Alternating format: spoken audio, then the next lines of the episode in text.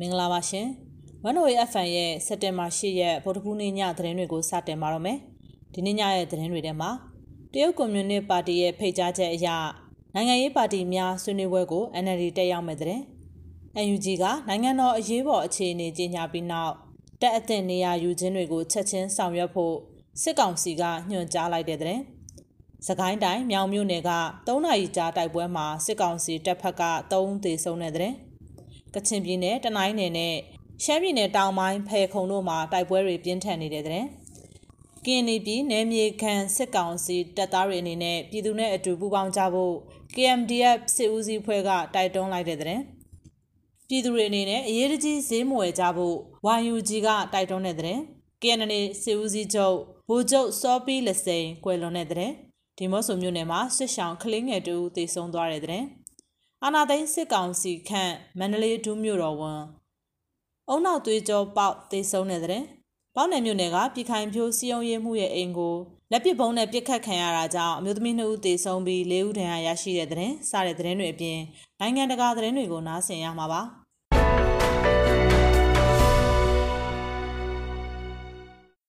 တရုတ်ကွန်မြူနစ်ပါတီရဲ့ဖိတ်ကြားချက်အရနိုင်ငံရေးပါတီများဆွေးနွေးပွဲကိုမြို့သားဒီမိုကရေစီအဖွဲ့ချုပ်ကတက်ရောက်မှာဖြစ်ပါတယ်။ ကွန်မြူနစ်ပါတီတရုတ်နဲ့အရှေ့တောင်အာရှတောင်အာရှနိုင်ငံများနိုင်ငံရေးပါတီတွေရဲ့နိုင်ငံရေးပါတီများပေါင်းစည်းစွမ်းနဲ့ဆောင်ရွက်ခြင်းအဖြစ်ဖွံ့ဖြိုးတိုးတက်ရေးစီသူခေါင်းစဉ်နဲ့ဆွေးနွေးပွဲကို2021စက်တင်ဘာ9ရက်နေ့မှာအွန်လိုင်းကတဆင့်ပြုလုပ်မှာဖြစ်ပါတယ်။ CRPH အဖွဲ့ဝင် NLD ပါတီဝင်တဦးကဟုတ်ပါတယ် NLD ကတက်ရောက်မှာပါလို့အတည်ပြုပြောပါတယ်။ အစည်းအဝေးဘက်ကိုတက်ရောက်ဖို့အတွက်မြို့သားဒီမိုကရေစီအဖွဲ့ချုပ် NLD အပါအဝင်မြန်မာနိုင်ငံကနိုင်ငံရေးပါတီ၄ခုကိုဖိတ်ကြားထားတယ်လို့သိရပါတယ်။စစ်ကောင်စီကအမျိုးသားဒီမိုကရေစီအဖွဲ့ချုပ်ပါတီကိုဖျက်သိမ်းခြင်းပြုမယ်ဆိုတဲ့သတင်းတွေထွက်ပေါ်နေချိန်မှာတရုတ်ကွန်မြူနစ်ပါတီကအခုလိုဖိတ်ကြားလာခဲ့တာဖြစ်ပါတယ်။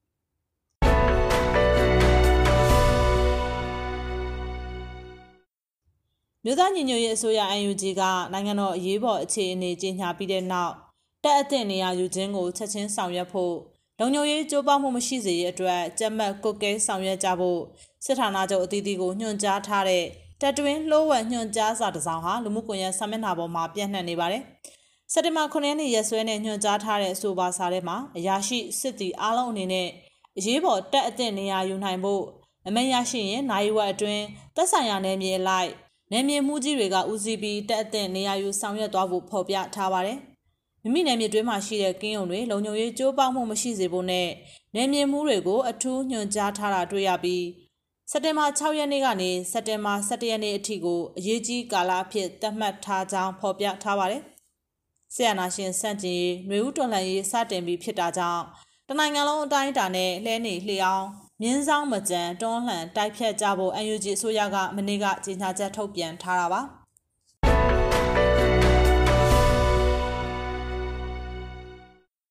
ညောင်မြို့နယ်အတွင်းက3နာရီအကြာတိုက်ပွဲမှာ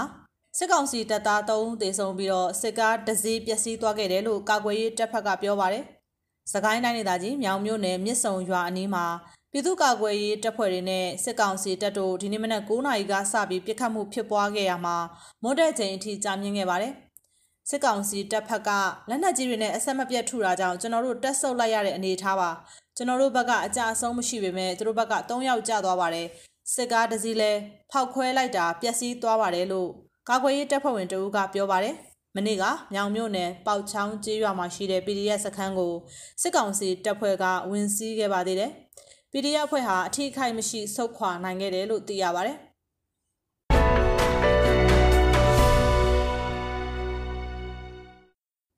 ကချင်ပြည်နယ်တနိုင်းမြို့နယ်အတွင်းမှာရှိတဲ့စစ်ကောင်စီတပ်နဲ့ကချင်လူမျိုးရေးတပ်မတော်တို့ ဒီနေ့တိုက်ပွဲဖြစ်ပွားနေတယ်လို့ဒေသခံတွေရဲ့ပြောကြားချက်အရသိရပါတယ်။တနိုင်းရှင်ဖွေရန်သွားလမ်းမပေါ်မှာရှင်ဖွေရန်နဲ့တခက်အကြားမှာရှိတဲ့တယုံကျေးရွာအုပ်စုဝင်လက်ကြားဘွမ်ရွာမှာဒီနေ့မနက်7:00နာရီချိန်ကတိုက်ပွဲဖြစ်ပွားနေတာဖြစ်ပြီးတိုက်ပွဲပြင်းထန်နေပါတယ်လို့ဒေသခံတွေကပြောပါတယ်။ မြို့သားညီညွတ်ရေးအစိုးရ UNG ကဆီယနာရှင်အမြင့်ဖြတ်ရေးခုခံစစ်ဆင်နွှဲဖို့တိုက်ပွဲခေါ်ပြီး24နာရီအတွင်းမှာစစ်ကောင်စီတပ်ကအင်အားတရာပါတဲ့စစ်ကြောင်းဟာတနိုင်းမျိုးကနေတဆင့်တယုံရှင်ပွေရန်မျိုးတွေကိုခြိတက်လာရကစပြီးတိုက်ပွဲတွေဖြစ်ပွားလာခဲ့တာပါဒေါ်ဖုံးရန်ဘက်ကလိုင်ဇာဘက်ကိုစစ်ကောင်စီတပ်စစ်ကြောင်းတွေစတင်လှုပ်ရှားနေတယ်လို့ဒေသခံတွေကပြောပါတယ်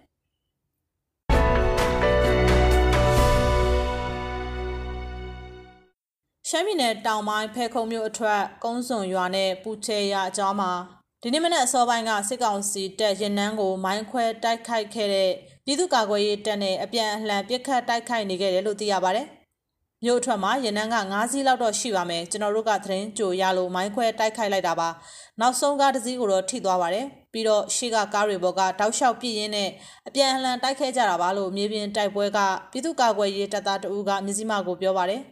တိုက်ပွဲဟာနိုင်ဝက်ကြောင်အပြန်အလှန်ပစ်ခတ်ခဲ့ကြပြီးလက်ရှိအချိန်ထိစစ်ကောင်စီတပ်သားတွေဟာလက်နက်ကြီးတွေနဲ့ဇက်တိုက်ပစ်ခတ်နေတယ်လို့သိရပါတယ်ပြည်သူ့ကာကွယ်ရေးတပ်သားတွေဘက်ကအထိအခိုက်ကြဆုံးမှုမရှိဘူးလို့သိရပြီးတော့စစ်ကောင်စီတပ်သားတွေကြာဆုံးမှုကိုတော့အတိမပြုနိုင်သေးပါဘူးမြို့သားညညရဲ့အစိုးရကလည်းကြီးညာလိုက်ပြီဆိုတော့ကျွန်တော်တို့ဖဲခုံပြည်သူ့ကာကွယ်ရေးတပ်ကအဆုံးအထိတိုက်သွားမှာပါပြည်သူတွေကလည်းတနိုင်တဲ့ဘက်ကပါပေးကြဖို့တိုက်တွန်းလိုပါတယ်လို့ဒေတာတော်လှန်ရေးတပ်ဖွဲ့ဝင်ကပြောပါတယ်ရှင်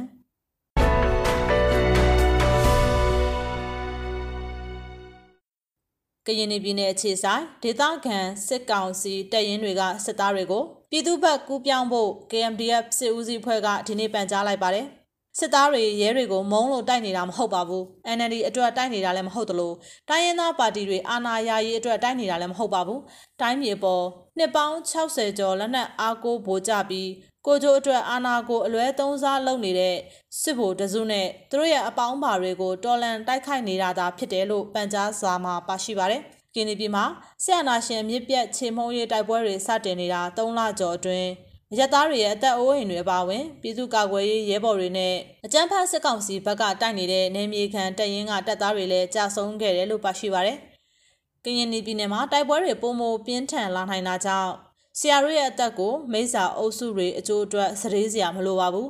ဒီဒေါ်လာရေးဟာဆရာတို့အပါအဝင်ပြည်သူတရက်လုံးအကျိုးအတွက်ဖြစ်တာနဲ့အညီဒီဒေါ်လာရေးအမြန်ဆုံးပြီးမြောက်အောင်မြင်အောင်အဖိနှိတ်ခံပြည်သူတွေဘက်ကိုယက်တီပေးကြပါကျွန်တော်တို့ KMDF တက်တွေနဲ့လာရောက်ပူးပေါင်းကြပါဆရာတို့လာရောက်ပူးပေါင်းမယ်ဆိုရင်ကျွန်တော်တို့လုံခြုံရေးကိုအထူးအာမခံပါတယ်လို့ပါရှိပါတယ်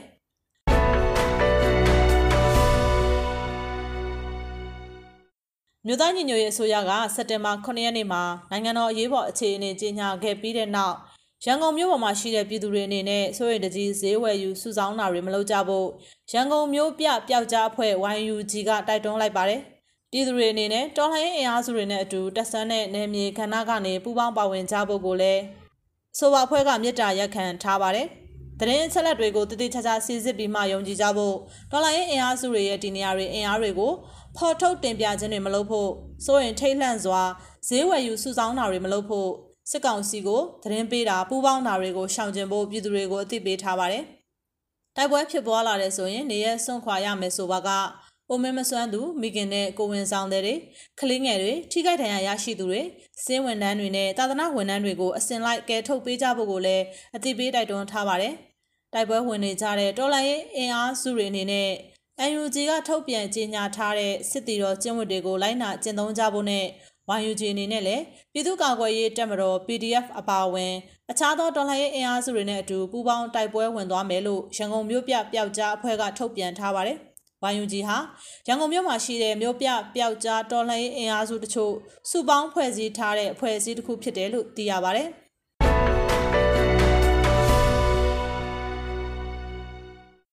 ဝါရင်ကရင်တော်လှန်ရေးသမားဗိုလ်ချုပ်စောပီးလက်စိန်ဟာဒီနေ့မနက်မှာကွယ်လွန်သွားခဲ့ပါတယ် အသက်85နှစ်အရွယ်ရှိတဲ့ကရင်အမျိုးသားလွတ်မြောက်ရေးတပ်မတော် KNN ရဲ့စီရေးချုပ်ဗိုလ်ချုပ်စောပီးလက်စိန်ဟာဒီနေ့မနက်9နာရီမှာကွယ်လွန်သွားခဲ့တာဖြစ်ပါတယ်။ဗိုလ်ချုပ်စောပီးလက်စိန်ဟာ1964ခုနှစ်မတ်လ15ရက်နေ့မှာကရင်တော်လှန်ရေးကိုတပ်သားအဖြစ်တပ်တွင်းကိုဝင်ရောက်ခဲ့တာဖြစ်ပြီးယာရုအဆင့်ဆင့်တိုးမြင့်ခံခဲ့ရတာလို့ကရင်သတင်းစဉ် KMC ကရေးသားပါတယ်။2004ခုနှစ်မှာဗိုလ်ချုပ်ယာရုနဲ့စီရေးချုပ်တာဝန်ပေးအပ်ခံခဲ့ရတာပါ။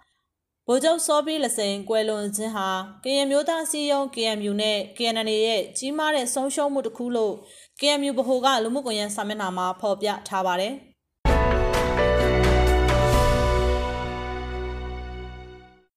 စစ်ကောင်စီလက်အောက်ခံရဲစခန်းကနေလက်နက်ကြီးတွေနဲ့ပစ်ခတ်ခဲ့တာကြောင့်ထွက်ပြေးတိမ်းရှောင်ရင်းနဲ့ဒီမော့ဆိုမြို့နယ်ဒေါ်ပေါ်ကူးကျေးရွာကကလင်းငယ်တို့တေဆုံးပြီးတဦးဒဏ်ရာရရှိခဲ့တယ်လို့သိရပါတယ်။ မနေ့ည9နာရီအချိန်ကလက်နက်ကြီးတံတွေကြောင့်ပြည်သူတွေထွက်ပြေးကြရမှာဒီမော့ဆိုမြို့နယ်ဒေါ်ပေါ်ကူးကျေးရွာအဝင်လမ်းခွဲမှာ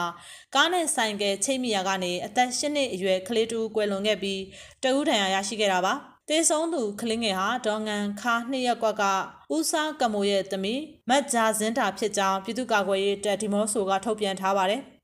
ကျွန်တော်တို့ပြည်သူ့ကာကွယ်ရေးတပ်ကကြံရတဲ့မိသားစုတွေနဲ့အတူထပ်တူထပ်မြောက်ဝမ်းနည်းရပါတယ်လို့ကလင်းငယ်အတွက်စိတ်မကောင်းကြောင်းပြည်သူ့ကာကွယ်ရေးတပ်ဒီမော့ဆိုကပြောကြားထားပါတယ်။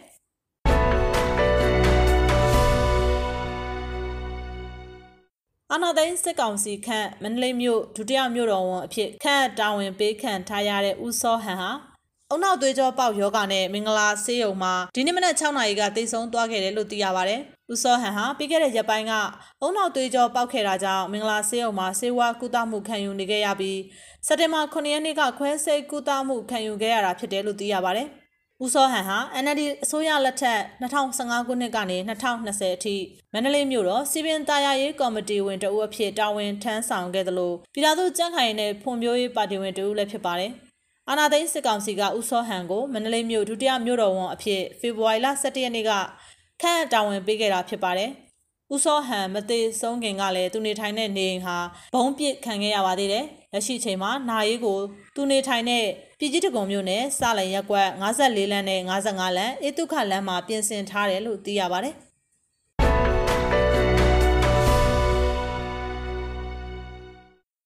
ပေါင်းတယ်မြို့နယ်ဘက်မှာရာရင်မှုတူနေအိမ်ကိုမင်းညကလက်ပစ်ဘုံပစ်သွင်းခဲ့တာကြောင့်အိမ်သားအမျိုးသမီး2ဦးသေဆုံးသွားခဲ့ပါတယ်။ ပေါင်းတယ်မြို့နယ်ကံငယ်ကျေးရွာမှာရှိတဲ့နေအိမ်ကိုည9နာရီဝန်းကျင်အချိန်ကပစ်သွင်းလိုက်တဲ့ဘုံကြောင့်တဦးပွဲချင်းမိသေဆုံးပြီးတော့နောက်တဦးကတော့ဆေးရုံမှာသေဆုံးသွားခဲ့တာပါ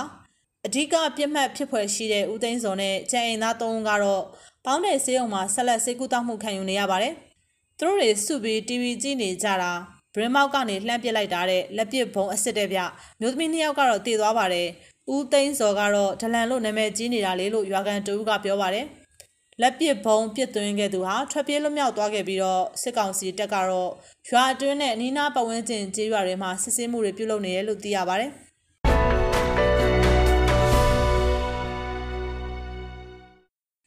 ရိုက်ကော်မြို့အနီးစစ်ကောင်စီတပ်နဲ့ကင်းနေမျိုးသားကာကွယ်ရေးတပ်တို့မင်းညကတိုက်ပွဲဖြစ်ပွားချိန်မှာ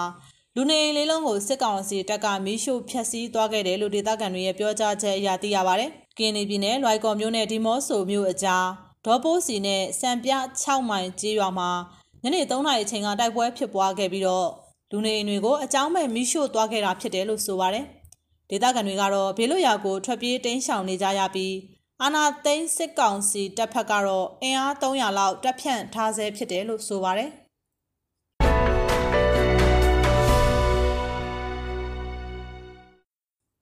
ဆက်လက်ပြီးတော့နိုင်ငံတကာသတင်းတွေကိုတင်ဆက်ပေးမှာပါ။ အာဖဂန်နစ္စတန်မှာတာလီဘန်တို့ကအစိုးရဖွဲ့လိုက်ကြောင်းကြေညာလိုက်ပါတယ်။အာဖဂန်နစ္စတန်နိုင်ငံမှာတာလီဘန်တွေကအစိုးရတရက်ဖွဲ့စည်းလိုက်ကြောင်းစက်တင်ဘာ9ရက်နေ့ကထုတ်ပြန်ကြေညာခဲ့ပါတယ်။ဒါဟာအဲ့ဒီနိုင်ငံမှာအမေရိကန်ကြောထောက်နောက်ခံပြုသမရကိုဖြုတ်ချပြီးတာလီဘန်တွေကနိုင်ငံကိုသိမ်းပိုက်ထိန်းချုပ်နိုင်ခဲ့ပြီးနောက်အခုလိုသူတို့ရဲ့အစိုးရတရက်ကိုဖွဲ့စည်းလိုက်တာဖြစ်ပါတယ်။တာလီဘန်တို့ဖွဲ့စည်းလိုက်တဲ့အစိုးရအဖွဲ့ဟာဂျားပြတ်အစိုးရတရက်ဖြစ်ပြီးတော့အဲ့ဒီအစိုးရအဖွဲ့ကိုတော့တရက်သေးအယူဆွဲကင်တဲ့ အဆိုပါတာလီဘန်အဖွဲ့ရဲ့ဝါရင်ပုတ်ကိုတဦးဖြစ်တယ်လို့ကုလသမဂ္ဂရဲ့အမည်ပြက်စည်ရင်သွင်းခံထားရတဲ့မူလာမိုဟာမက်ဟက်ဆန်အက်ခွန်ကဥဆောင်သွားမှာဖြစ်ပါတယ်။အာဖဂန်နစ္စတန်နိုင်ငံမှာတာလီဘန်တွေကစစ်သွေးကြွအဖွဲ့ကနေအာဏာရအစိုးရအဖွဲ့အဖြစ်အသွင်ကူးပြောင်းနေချိန်သူတို့ရဲ့အုပ်ချုပ်မှုပေါ်ဆန့်ကျင်ဆန္ဒပြမှုတွေလည်းဖြစ်ပေါ်နေပြီးတော့နိုင်ငံအနောက်ပိုင်းဟီရက်မြို့မှာလူနှစ်ဦးပြစ်တက်ခံခဲ့ရတယ်လို့သိရပါတယ်။ 1990ပြည့်နှစ်ကတာလီဘန်တွေရဲ့လူမဆန်ပဲဖိနှိပ်ချုပ်ချယ်တဲ့အုပ်ချုပ်မှုအတွင်းအကြီးတန်းဝန်ကြီးတဦးဖြစ်ခဲ့တဲ့မူလာမိုဟာမက်ဟက်ဆန်အခွန်ကိုတော့အခုအစိုးရဖွဲ့ရဲ့ခိတ္တဝန်ကြီးချုပ်အဖြစ်ခန့်အပ်လိုက်ကြောင်းတာလီဘန်ပြောရေးဆိုခွင့်ရှိသူကကဘူးမြို့မှာပြုလုပ်ခဲ့တဲ့သတင်းစာရှင်းလင်းပွဲတစ်ခုမှာပြောခဲ့တာပါ။တာလီဘန်တွေကအခုတစ်ကြိမ်သူတို့ရဲ့အစိုးရအဖွဲ့ဟာအားလုံးပါဝင်တဲ့အစိုးရအဖွဲ့တရက်ဖြစ်ရမယ်လို့ကတိပြုထားခဲ့ပေမဲ့ အခုကြေညာခဲ့တဲ့အစိုးရအဖွဲ့ရဲ့ထိပ်ပိုင်းနေရာတွေကိုတော့တာလီဘန်လှုပ်ရှားမှုအဖွဲ့နဲ့ဟက်ကာနီကွန်ရက်ရဲ့အဓိကခေါင်းဆောင်တွေပဲပါဝင်နေခဲ့ပါတယ်။ဟက်ကာနီကွန်ရက်ကတော့ထိခိုက်ပျက်စီးစေမှုများပြားခဲ့တဲ့တိုက်ခိုက်မှုတွေအတွက်လူသိများတဲ့တာလီဘန်တို့ရဲ့အကြမ်းကြုတ်ဆုံးအဖွဲ့ခွဲဖြစ်ပါတယ်။အခုတာလီဘန်အစိုးရအဖွဲ့မှာတော့အမျိုးသမီးတဦးတယောက်တောင်ပါမလာခဲ့ပါဘူး။ဒါပေမဲ့အခုအစိုးရအဖွဲ့ဟာဂျားပြတ်အစိုးရအဖွဲ့သာဖြစ်ကြောင်းနဲ့ မိမိတို့အနေနဲ့နိုင်ငံရဲ့အခြားအပိုင်း area တွေစီကလူတွေကိုလည်းထဲ့သွင်းပါဝင်စေဖို့ကြိုးပမ်းသွားမှာဖြစ်ကြောင်းတာလီဘန်ပြောရေးဆိုခွင့်ရှိသူဇာအီအူလာမူဂျာဟစ်ကပြောခဲ့ပါတယ်။အစိုးရဖွဲ့တစ်ကိုထုတ်ပြန်ကြေညာပြီးနောက်မကြာမီမှာပဲလူမြင်ကွင်းမထွက်ခဲ့ပဲနဲ့တိုးတိုးတိတ်တိတ်ရှိနေခဲ့တဲ့တာလီဘန်အဖွဲ့ရဲ့အမြင့်ဆုံးခေါင်းဆောင်ဟီဘာတူလာအက်ကွန်ဇာတာကထုတ်ပြန်ချက်တစ်စောင်ကိုထုတ်ခဲ့ပြီးအခုအစိုးရတစ်ဟာ အာဖဂန်နစ္စတန်နိုင်ငံမှာအစ္စလာမစ်စီးမြင့်တွေနဲ့ရှာရီယာဥပဒေကို ထိမ့်သိမ်းအသက်ဝင်စေဖို့ကြိုးပမ်းလှုံ့ဆော်သွားမှာဖြစ်တယ်လို့ပြောခဲ့ပါတယ်။အခုတာလီဘန်အစိုးရအသစ်ကလည်းအရင်တာလီဘန်အစိုးရဟောင်းနဲ့တူတူပါပဲလို့အမေရိကန်အခြေစိုက် Long Wall Journal ရဲ့စီမံခန့်ခွဲမှု editor B Yorgio က Twitter မှာရေးသားထားပါတယ်။အခုတာလီဘန်ဆိုရဖွဲ့မှာအဆိုပါအဖွဲ့တီထောင်သူကွယ်လွန်သွားပြီဖြစ်တဲ့တာလီဘန်ခေါင်းဆောင်မူလာအိုမာရဲ့သား မူလာယာကုပ်ကကာကွယ်ရေးဝန်ကြီးအဖြစ်ခန့်ခံရပြီးပြည်ထောင်ဝန်ကြီးအဖြစ်ကိုတော့ဟက်ကာနီကွန်ရက်ခေါင်းဆောင်စီယာဂျူဒင်ဟက်ကာနီကိုခန့်အပ်ခဲ့ပါတယ်။ American စုတ်ခွာရုပ်သိမ်းမှုသဘောတူညီချက်လက်မှတ်ရေးထိုးထားမှုကိုကြီးကြပ်ခဲ့တဲ့တာလီဘန်ပူးရဲတီထောင်သူအဘာဒူဂါနီဘာရာဒါကာ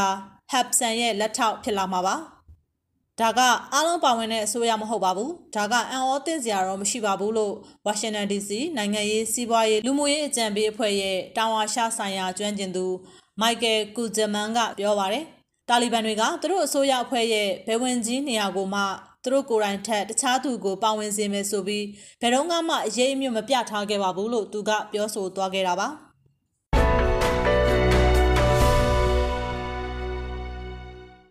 ပြည်သူတွေလွတ်လပ်စွာထွက်ခွာခွင့်အတွက်တာလီဘန်တွေကထပ်မံကတိပြုထားကြောင်းဘလင်ကန်ကပြောကြားလိုက်ပါတယ်။နားဆင်ပါရှင်။အာဖဂန်နစ္စတန်ပြည်သူတွေရဲ့လွတ်လပ်စွာထွက်ခွာခွင့်အတွက်တာလီဘန်တွေကထပ်လောင်းကတိပြုထားကြောင်းဘေးလွတ်ရာအမြန်ရွှေ့ပြောင်းပေးနိုင်ရေးအတွက်ကာတာအာဏာပိုင်တွေနဲ့တွဲဆုံပြီးနောက်မှာအမေရိကန်နိုင်ငံသားရေးဝန်ကြီးအန်တိုနီဘလင်ကန်ကစက်တင်ဘာလ9ရက်အင်္ဂါနေ့ကပြောကြားလိုက်ပါတယ်။ အမေရိကန်နိုင်ငံသားတွေအပါအဝင်လူထောင်ပေါင်းများစွာဟာအာဖဂန်ကထွက်ခွာဖို့အာဖဂန်နစ္စတန်မြောက်ပိုင်းကလေးစိတ်တစ်ခုမှာတရင်တစ်ပတ်ကြာကန့်သက်ခံထားရတယ်ဆိုတဲ့သတင်းတွေထွက်ပေါ်လာခဲ့တာကြောင့်အမေရိကန်သမ္မတဂျိုးဘိုင်ဒန်တယောက်ဖိအားတွေနဲ့ရင်ဆိုင်လာရပါတယ်။၎င်းတို့ကိုလွတ်လပ်စွာခီးသွွာလာခွင့်စာရွက်စာတမ်းတွေရှိသူတွေကိုခွင့်ပြုပေးမှာဖြစ်တယ်လို့တာလီဘန်တွေကပြောတဲ့အကြောင်းကာကွယ်ရေးဝန်ကြီး Lloyd Austin နဲ့အတူ ကာတာမိတ်ဖက်အဖွဲ့အစည်းတွေနဲ့တွေ့ဆုံမှုအပြီးဒိုဟာမှာပြုလုပ်တဲ့သတင်းစာရှင်းလင်းပွဲမှာဘလင်ကင်ကပြောကြားလိုက်ပါတယ်။အဲ့ဒီကိစ္စအတွက်သူတို့ကိုဆက်ပြီးတိုက်တွန်းသွားမှာပါလို့သူကဆိုပါတယ်။ကာတာရဲ့ပြောကြားချက်အရဩဂုတ်လအကုန်ပိုင်းကဝါရှင်တန်ရဲ့တက်တုတ်ရိုက်ဆုတ်ခွာမှုပြီးချိန်ကတည်းကပိတ်ထားခဲ့တဲ့ကဘူးလေစိတ်ကိုမကြခင်ပြန်ဖွင့်နိုင်ဖို့နဲ့ထွက်ခွာလိုတဲ့အာဖဂန်တွေအတွက်အရေးပါတဲ့ဇင်းကြံတစ်ခုဖြစ်လာဖို့ယုံကြည်ထားတယ်လို့ဆိုပါတယ်။တာလီဘန်တွေအနေနဲ့ဒီကတိကဝတ်ကိုတီဖို့ နိုင်ငံတကာအတိုင်းဝိုင်းတစ်ခုလုံးကစောင့်ကြည့်နေတယ်လို့လွတ်လပ်စွာတွာလာခွင့်ပြုဖို့ကုလသမဂ္ဂလုံခြုံရေးကောင်စီရဲ့ဆုံးဖြတ်ချက်ကိုရည်ညွှန်းပြောဆိုခဲ့ပါတယ်။ဘိုင်ဒန်ရဲ့အစိုးရအကြီးတန်းအရာရှိတွေဟာစက်တင်ဘာလ6ရက်တနင်္လာနေ့ကကာတာကိုရောက်ရှိလာကအီမာရှိတ်တမီဘင်ဟာမက်အက်တာနီနဲ့အတူညစာစားရင်အာဖဂန်နစ္စတန်လေကြောင်းကယ်ဆယ်ရေးမှာဒိုဟာရဲ့ကူညီမှုအတွက်ဝါရှင်တန်ကကျေးဇူးတင်ကြောင်းပြောကြားခဲ့ပါတယ်။ ဆက်လက်လှုပ်ဆောင်နေစေဘေးလွရာရွှေ့ပြောင်းရေးကြိုးပမ်းမှုတွေနဲ့ပတ်သက်ပြီးလွန်ခဲ့တဲ့နာရီပိုင်းကအထိတာလီဘန်တွေနဲ့ဆွေးနွေးမှုတွေလုပ်ခဲ့ပါတယ်။လွတ်လပ်စွာခီးသွွာလာခွင့်စာရွက်စာတမ်းတွေပါတဲ့သူတွေကိုထွက်ခွာခွင့်ပြုမယ်လို့ပြောပါတယ်။အဲ့ဒီအတွက်လည်းကျွန်တော်တို့တွန်းနေတာဒါဇင်နဲ့ချီတဲ့နိုင်ငံတွေပါတယ်။နိုင်ငံတကာအတိုင်းဝိုင်းကတာလီဘန်တွေအနေနဲ့ဂတိကဝတ်တွေအတိုင်းလှုပ်ဆောင်မလားဆိုတာကိုစောင့်ကြည့်နေတယ်လို့နိုင်ငံရေးဝန်ကြီးအန်တိုနီဘလင်ကန်ကဆိုပါတယ်။မက်ဇာအိုက်ရှရစ်လေးစိတ်အခြေအနေနဲ့ပတ်သက်ပြီးပြောကြားရမှာ တာလီဘန်တွေအနေနဲ့ခိုင်လုံတဲ့စာရွက်စာတမ်းကင်ဆောင်ထားတဲ့ဘသူကမှပိတ်ပင်မှာမဟုတ်ဘူးလို့ကျွန်တော်ထင်ပါတယ်။ဒါပေမဲ့ခိုင်လုံတဲ့စာရွက်စာတမ်းမရှိသူတွေကိုသွားလို့မရဘူးလို့လည်းပြောတာဖြစ်နိုင်တယ်။အဲ့လိုလူတွေအားလုံးအတူစုမိသွားတာကြောင့်လေရင်တွေထွက်ခွာဖို့ခွင့်မပြုတာဖြစ်နိုင်ပါတယ်လို့သူကဆိုပါတယ်။သူတို့ကဂရိကဝတ်အတိုင်းလှုပ်ဆောင်ခဲ့ကြောင်းကိုလွန်ခဲ့တဲ့24နာရီအတွင်းကကုန်းလန်းခီးကထွက်သွားတဲ့မိသားစုတစုကိုဥပမာပေးခဲ့တယ်။ဒီရင်တစည်းပေါ်မှာတူဦးတယောက်ကိုချုံနှောင်ထားတာမျိုး မဇာအိုက်ရှရစ်မှာပြောသလိုဒဇာကန်ဖြစ်ဖမ်းဆီးထားတာမျိုးကျွန်တော်တို့မတွေ့ရဘူးလို့သူကဆိုပါတယ်။ဟာမစ်ကာဇိုင်းလေးစိတ်မှာကြိုးပမ်းမှုတွေနဲ့ပတ်သက်ပြီးအာဖဂန်မှာလူသားချင်းစာနာမှုလုပ်ငန်းတွေနဲ့ပတ်သက်ပြီးအနောက်ရှက်မဖြစ်စေဖို့အတွက်တာလီဘန်နဲ့နားလည်မှုယူဖို့ကုလအရာရှိတွေတွားရောက်နိုင်ဖို့ခီးစဉ်တချို့စီစဉ်ပေးနိုင်ခဲ့တယ်လာမယ့်ရက်အနည်းငယ်အတွင်းမှာခီးသည်တွေနဲ့လူသားချင်းစာနာမှုအကူအညီတွေအတွက်လေကြောင်းခီးစဉ်တွေပြန်ပြီးပြေးဆွဲနိုင်ဖို့မျှော်လင့်ပါတယ်လို့ ကာတာနိုင်ငံသားရေးဝန်ကြီးမိုဟာမက်ဘင်အက်ဒူရာမင်အယ်တာနီကဆိုပါတယ်အားလုံးပြောခဲ့သလိုပဲမယုံနိုင်လောက်အောင်ခက်ခဲတဲ့အခြေအနေတွေကြားမှာဒါကထူးခြားတဲ့အထောက်ပံ့တစ်ခုဖြစ်ပြီးကဘာကိုပြသလိုက်တဲ့ကာတာရဲ့ရက်ရောမှုနဲ့နိုင်ငံဂုဏ်သိက္ခာအတွက်တက်တည်ပြချက်တစ်ခုလည်းဖြစ်တယ်လို့ဘလင်ကန်ကဆိုပါတယ်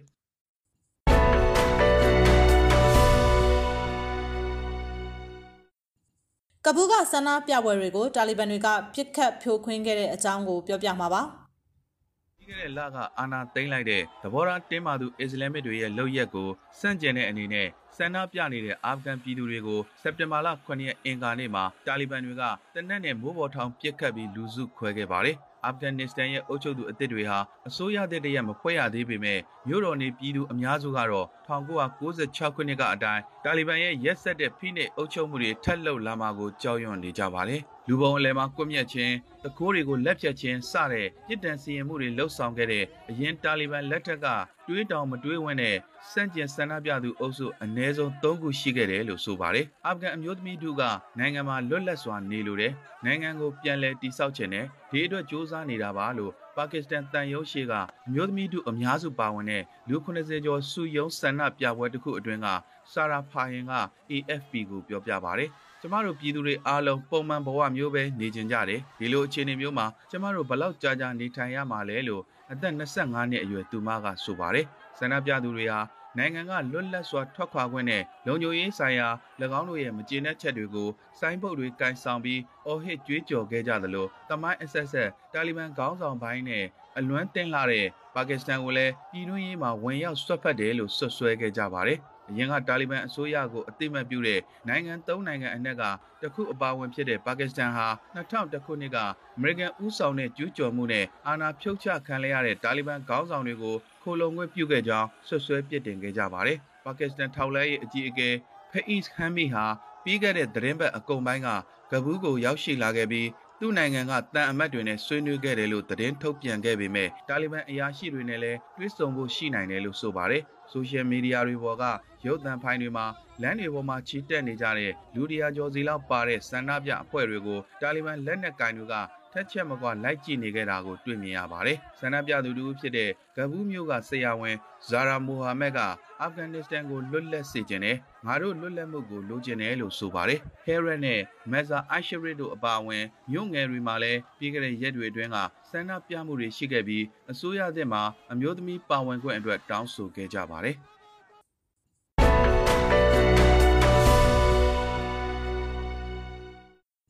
တာလီဘန်တွေရဲ့စီကံအသစ်တွေကြောင့်အာဖဂန်တက္ကသိုလ်မှာတက်ရောက်သူနှဲပါနေတဲ့အကြောင်းကိုနားဆင်ပါရှင်။ပမောက္ခဆေးရတွေနဲ့ចောင်းသားတွေဟာတာလီဘန်တွေရဲ့ကျောင်းတက်ရောက်မှုဆိုင်ရာတင်းကျပ်တဲ့စီကံတွေနဲ့ရင်ဆိုင်နေရတာကြောင့်စာတင်နှစ်ရဲ့ပထမဆုံးနေ့မှာပဲကဘူးမှာရှိတဲ့တက္ကသိုလ်တွေမှာတက်ရောက်သူမရှိသလောက်နေပါခဲ့ပါတယ်။ ပထမဆုံးအာဏာရရှိခဲ့တဲ့1996ခုနှစ်အချိန်ကအာဖဂန်နစ္စတန်မှာအမျိုးသမီးအခွင့်အရေးတွေကိုတိတိတသာကန့်သက်ထားခဲ့ပြီးအစင်းမြင့်ပညာသင်ကြားခွင့်ကိုပိတ်ပင်ထားခဲ့တဲ့တာလီဘန်တွေဟာဒီဒီချိန်မှာတော့ပုံမပျော့ပြောင်းတဲ့အုပ်ချုပ်မှုတစ်ခုကိုကတိပြုထားခဲ့ပါတယ်။သဘောထားတင်းမာတဲ့အစ္စလာမ်ရဲ့အုပ်စုဟာ၎င်းတို့အစိုးရတဲ့လက်ထက်မှာအမျိုးသမီးတွေကိုတက်တိုတွေမှာ တက်ရောက်တင် जा ခွင့်ပြုခဲ့ပေမဲ့ဝစ်စားစင်ရင်မှုနဲ့လှုပ်ရှားသွားလာမှုတွေမှာတင်းကျပ်တဲ့ကန့်သက်ချက်တွေရှိနေဆဲဖြစ်ပါတယ်။အမျိုးသမီးတွေအနေနဲ့မျက်လုံးပေါ်ရောဖုံးအုပ်ဝစ်စင်ထားဖို့လိုသလိုအမျိုးသားတွေနဲ့ခွဲခြားနေထိုင်ဖို့လည်းလိုအပ်တယ်လို့တာလီဘန်တွေကဆိုပါတယ်။ آسیب بیشتر میبینن در این از این شرایط خانم ها بیشتر آسیب میبینن روی ငါတို့ရဲ့ចောင်းသားတွေကဒါကိုလက်မခံဘူးငါတို့ចောင်းကိုပိတ်ပြရလိမ့်မယ်လို့ ကဘူးဂါဂျီစတန်တက်တို့ရဲ့ဒါရိုက်တာနော်အလီရာမနီကလူသူမရှိသလောက်နှီးပါဖြစ်နေတဲ့တက်တို့ကျောင်းဝင်းအတွင်းမှာတနင်္လာနေ့ကပြောကြားလိုက်ပါတယ်။ကျောင်းသူတွေကဟစ်ချက်ဝတ်တယ်လေနစ်ကော့မဟုတ်ဘူးလို့ခေါင်းမီးချုံဝတ်ဆင်မှုကိုရည်ရွယ်ပြောဆိုခဲ့ပါတယ်။တာလီဘန်ပညာရေးအာဏာပိုင်တွေဟာတနင်္ဂနွေနေ့ကစာသင်ခန်းနဲ့ပတ်သက်တဲ့စီးမြင်ကန့်သက်ချက်စာရန်ရှည်ကြီးတစ်စောင်ကိုထုတ်ပြန်ခဲ့ပြီးအမျိုးသားနဲ့အမျိုးသမီးတွေကိုခွဲခြားထားဖို့ဒါမှမဟုတ်လူနေရင်ကြားမှာ ကလကာတစ်ခုချပြီးတင် जा ဖို့စတဲ့အချက်တွေပါဝင်ပါတယ်ဒီအချက်ကိုလက်မခံဘူးလို့ပြောလိုက်တယ်ဘာလို့လဲဆိုတော့လိုက်နာဖို့ခက်တယ်လေလို့ရာမနီက AFP ကိုပြောပြပါတယ်ဒါကအစ္စလာမစ်စီကံစစ်စစ်မဟုတ်ဘူးကိုရန်ကျမ်းမှာဒီလိုမပါကြောင်းပြောလိုက်မိတယ်လို့သူကဆိုပါတယ် တာလီဘန်တွေပထမအုပ်ချုပ်မှုအဆုံးသတ်ပြီးနောက်ပိုင်းမှုလိုပေါက်လာတဲ့ကိုပိုင်ကျောင်းတဲ့တက်သူတွေမှာအခုအချိန်ကစလို့အမျိုးသမီးကျောင်းသူတွေကိုအမျိုးသမီးဆရာမသို့မဟုတ်အသက်ကြီးတဲ့အမျိုးသားဆရာတွေကပဲသင်ကြားရမှာဖြစ်တယ်လို့အမျိုးသမီးတီးသန့်တကားဘောက်ကပဲဝင်ထွက်ခွင့်ပြုမှာဖြစ်ပါတယ်။ဒါအပြင်စာသင်ခန်းအပြင်မှာရောနှောတာတွေမရှိစေဖို့အမျိုးသားတွေထက်9မိနစ်စောပြီးအတန်းကထွက်ခွာကြရမှာဖြစ်တယ်လို့ဆိုပါတယ်။ ဒါပေမဲ့တာလီဘန်တွေဟာပုဂ္ဂလိကတက်သူတွေနဲ့ပတ်သက်ပြီးတော့တစုံတရာပြောဆိုတာမျိုးမရှိသေးပါဘူးဝဇီတ်ဖီလီကမီဘလုံခေါ်ချန်ဒွန်ခုဘနစ်ဇင်နိရှမမီဘနင်ရှောကဒခဲလ်ခါမမဒဒစင်ဒီအခြေအနေကအမျိုးသမီးတွေကိုပိုပြီးထိခိုက်စေလိမ့်မယ်။သူတို့ရဲ့လေးလာတင်ယူလိုတဲ့စိတ်ကိုဆိုးရွားတဲ့တက်ရောက်မှုတွေရှိလိမ့်မယ်။ဒီကနေ့အတန်းထဲမှာခွဲခြားခံရတဲ့အတွက်နောက်မှလည်းအလောက်ကန်ရရှိမှခွဲခြားခံရမှာကိုစိုးရိမ်လာကြလိမ့်မယ်။အလောက်ရသွားလို့အခုလိုခွဲခြားခံရရင် ယာဒုနေရာရဖို့အခွင့်အလမ်းနည်းသွားပြီးအောက်ခြေအဆင့်တွေမှာပဲလောက်ကန်ရလိမ့်မယ်လို့ Officer Tech တို့ကဆရာတို့ဖြစ်တဲ့ Emma Nori ကဆိုပါတယ်။အည်အသွေးရှုထောင့်ကကြည့်ရင်လည်းမကောင်းတဲ့တက်ရောက်မှုတွေရှိတယ်။ပြောရရင်ကျွန်တော်တို့ပညာရေးလောကမှာအမျိုးသားကျောင်းဆရာတွေများနေပြီးအမျိုးသမီးဆရာမအရေးအတွက်ကတော်တော်လေးနည်းတယ်။အဲဒါကြောင့်အမျိုးသမီးကျောင်းသူတွေအတွက်စွမ်းဆောင်ရည်နှိမ့်တဲ့ဆရာတွေကိုတုံးရဖို့ဖြစ်လာတယ်။ ရလက်ကအမျိုးသမီးတွေရဲ့ဉာဏ်ရည်ဖွံ့ဖြိုးမှုကိုကြဆင်းစေပြီးသူတို့ရဲ့အရည်ချင်းတွေကိုအပြည့်အဝအသုံးချခွင့်မရဖြစ်စေတယ်လို့သူကဆိုပါတယ်။မြင်တွေ့နေရတဲ့အခြေအနေကတိတ်မကောင်းဘူး။မြင်တဲ့အတိုင်းပဲကျောင်းလာတက်တဲ့သူတိတ်မရှိဘူး။အထူးသဖြင့်မိန်းကလေးတွေကတကယ်ကိုခွဲခြားကန့်သက်ခံရတဲ့အနေအထားကြောင့်မလာကြဘူး။အရင်ကလိုတိတ်စိတ်မပါပေမဲ့ကျမတို့အကောင်းဆုံးဖြစ်အောင်လုပ်နေတယ်။အာဖဂန်နစ္စတန်ကဝေဝါးနေတဲ့သူတို့ရဲ့အနာဂတ်ပေါ်စိုးရိမ်ပြီးမိန်းကလေးအများစုကကြောင်းမတက်နိုင်ကြတော့ဘူးလို့ AV Center Tech သူကျောင်းသူတူကဆိုပါတယ် برای وضعیت خیلی چیه وقتی که میایی در سرک در کوچه خیابان هیچ کس نیست انگیزه လမ်းတွေပေါ်ကိုထွက်ကြည့်လိုက်ရင်ကြောင်းဆက်တက်ဖို့အတွက်ဘယ်သူမှအရေးလုံးမပြောကြတော့ဘူးအများကြီးပြောင်းလဲသွားတဲ့မြို့မှာဘယ်သူမှအိမ်ကနေထွက်ပြီးကြောင်းသွားဖို့အလုပ်သွားဖို့အားတက်တယ်ရောမရှိတော့ဘူးလို့သူမကဆိုပါတယ် အရင်တော့ကပိုကောင်းတယ်လိုက်ကတားတာကဘာမှအတိတ်ပဲမရှိဘူးလိုက်ကတခုချားလိုက်ရုံနဲ့ဘာတွေထူးသွားမှာမလို့လဲမိန်းကလေးနဲ့ယောက်ျားလေးတွေကတခန်းနဲ့ရှိနေတယ်လေလမ်းတွေပေါ်မှာလည်းတတွဲတွဲအဲ့ဒါကိုလိုက်ကချားတော့ရောဘာတွေဖြစ်လာမှာလဲလို့သူမကဆိုပါတယ်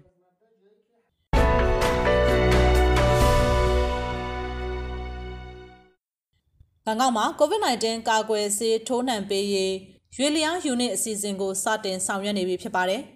ထိုင်းနိုင်ငံဘန်ကောက်မြို့တော်မှာဘတ်စကားကြီးတစ်စင် COVID-19 ကာကွယ်ဆေးလိုက်လံထိုးနှံပေးတဲ့ရွေလျားယူနစ်အစီအစဉ်ကိုစတင်ဆောင်ရွက်လျက်ရှိနေပြီဖြစ်ပါတယ်။ဘန်ကောက်ကပို့ပြီးတော့အစွန်အဖျားကျတဲ့အရက်တွေမှာနေထိုင်သူတွေကိုကာကွယ်ဆေးထိုးနှံပေးဖို့နဲ့ကာကွယ်ဆေးထိုးနှံခံဖို့ခရီးဝေးကလူတွေအတွက်ပို့ပြီးသွားရလာရအဆင်ပြေအောင်ရည်ရွယ်ပြီးလှုပ်ဆောင်တာဖြစ်ပါတယ်။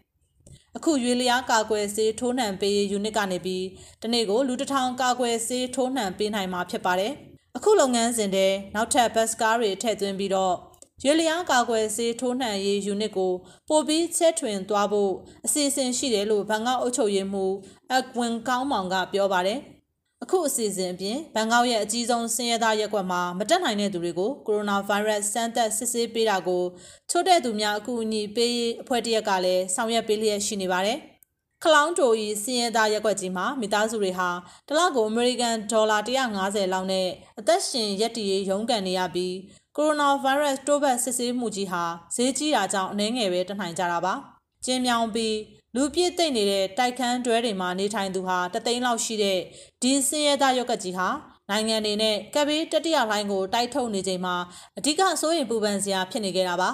အခုမှတော့ချို့တဲ့သူများအကူအညီပေးရေးအဖွဲ့ကကူးဆက်ခံရသူတွေကိုသိရှိခွဲထုတ်နိုင်ဖို့နဲ့คလောင်းတိုဤရက်ကွက်ဟာတစ်မျိုးလုံး virus ပြန်ကူးစေမဲ့ပိုးကိန်းအောင်ရအရက်ဖြစ်မလာအောင်အကြီးစားစမ်းသပ်စစ်ဆေးပေးမှုကိုစတင်လှုပ်ဆောင်ပေးနေတာပဲဖြစ်ပါတယ်။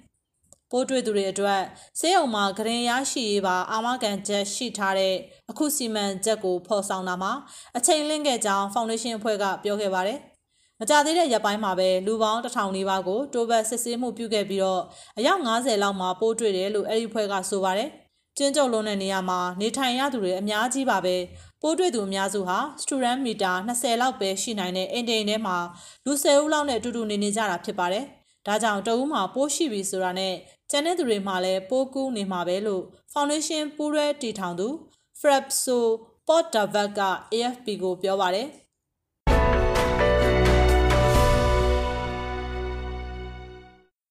108 FM ရဲ့ဒီနေ့ညသတင်းတွေကတော့ဒီလောက်ပါပဲနားဆင်ကြကြသူတွေအားလုံးကျမ်းမာကြပါစေရှင်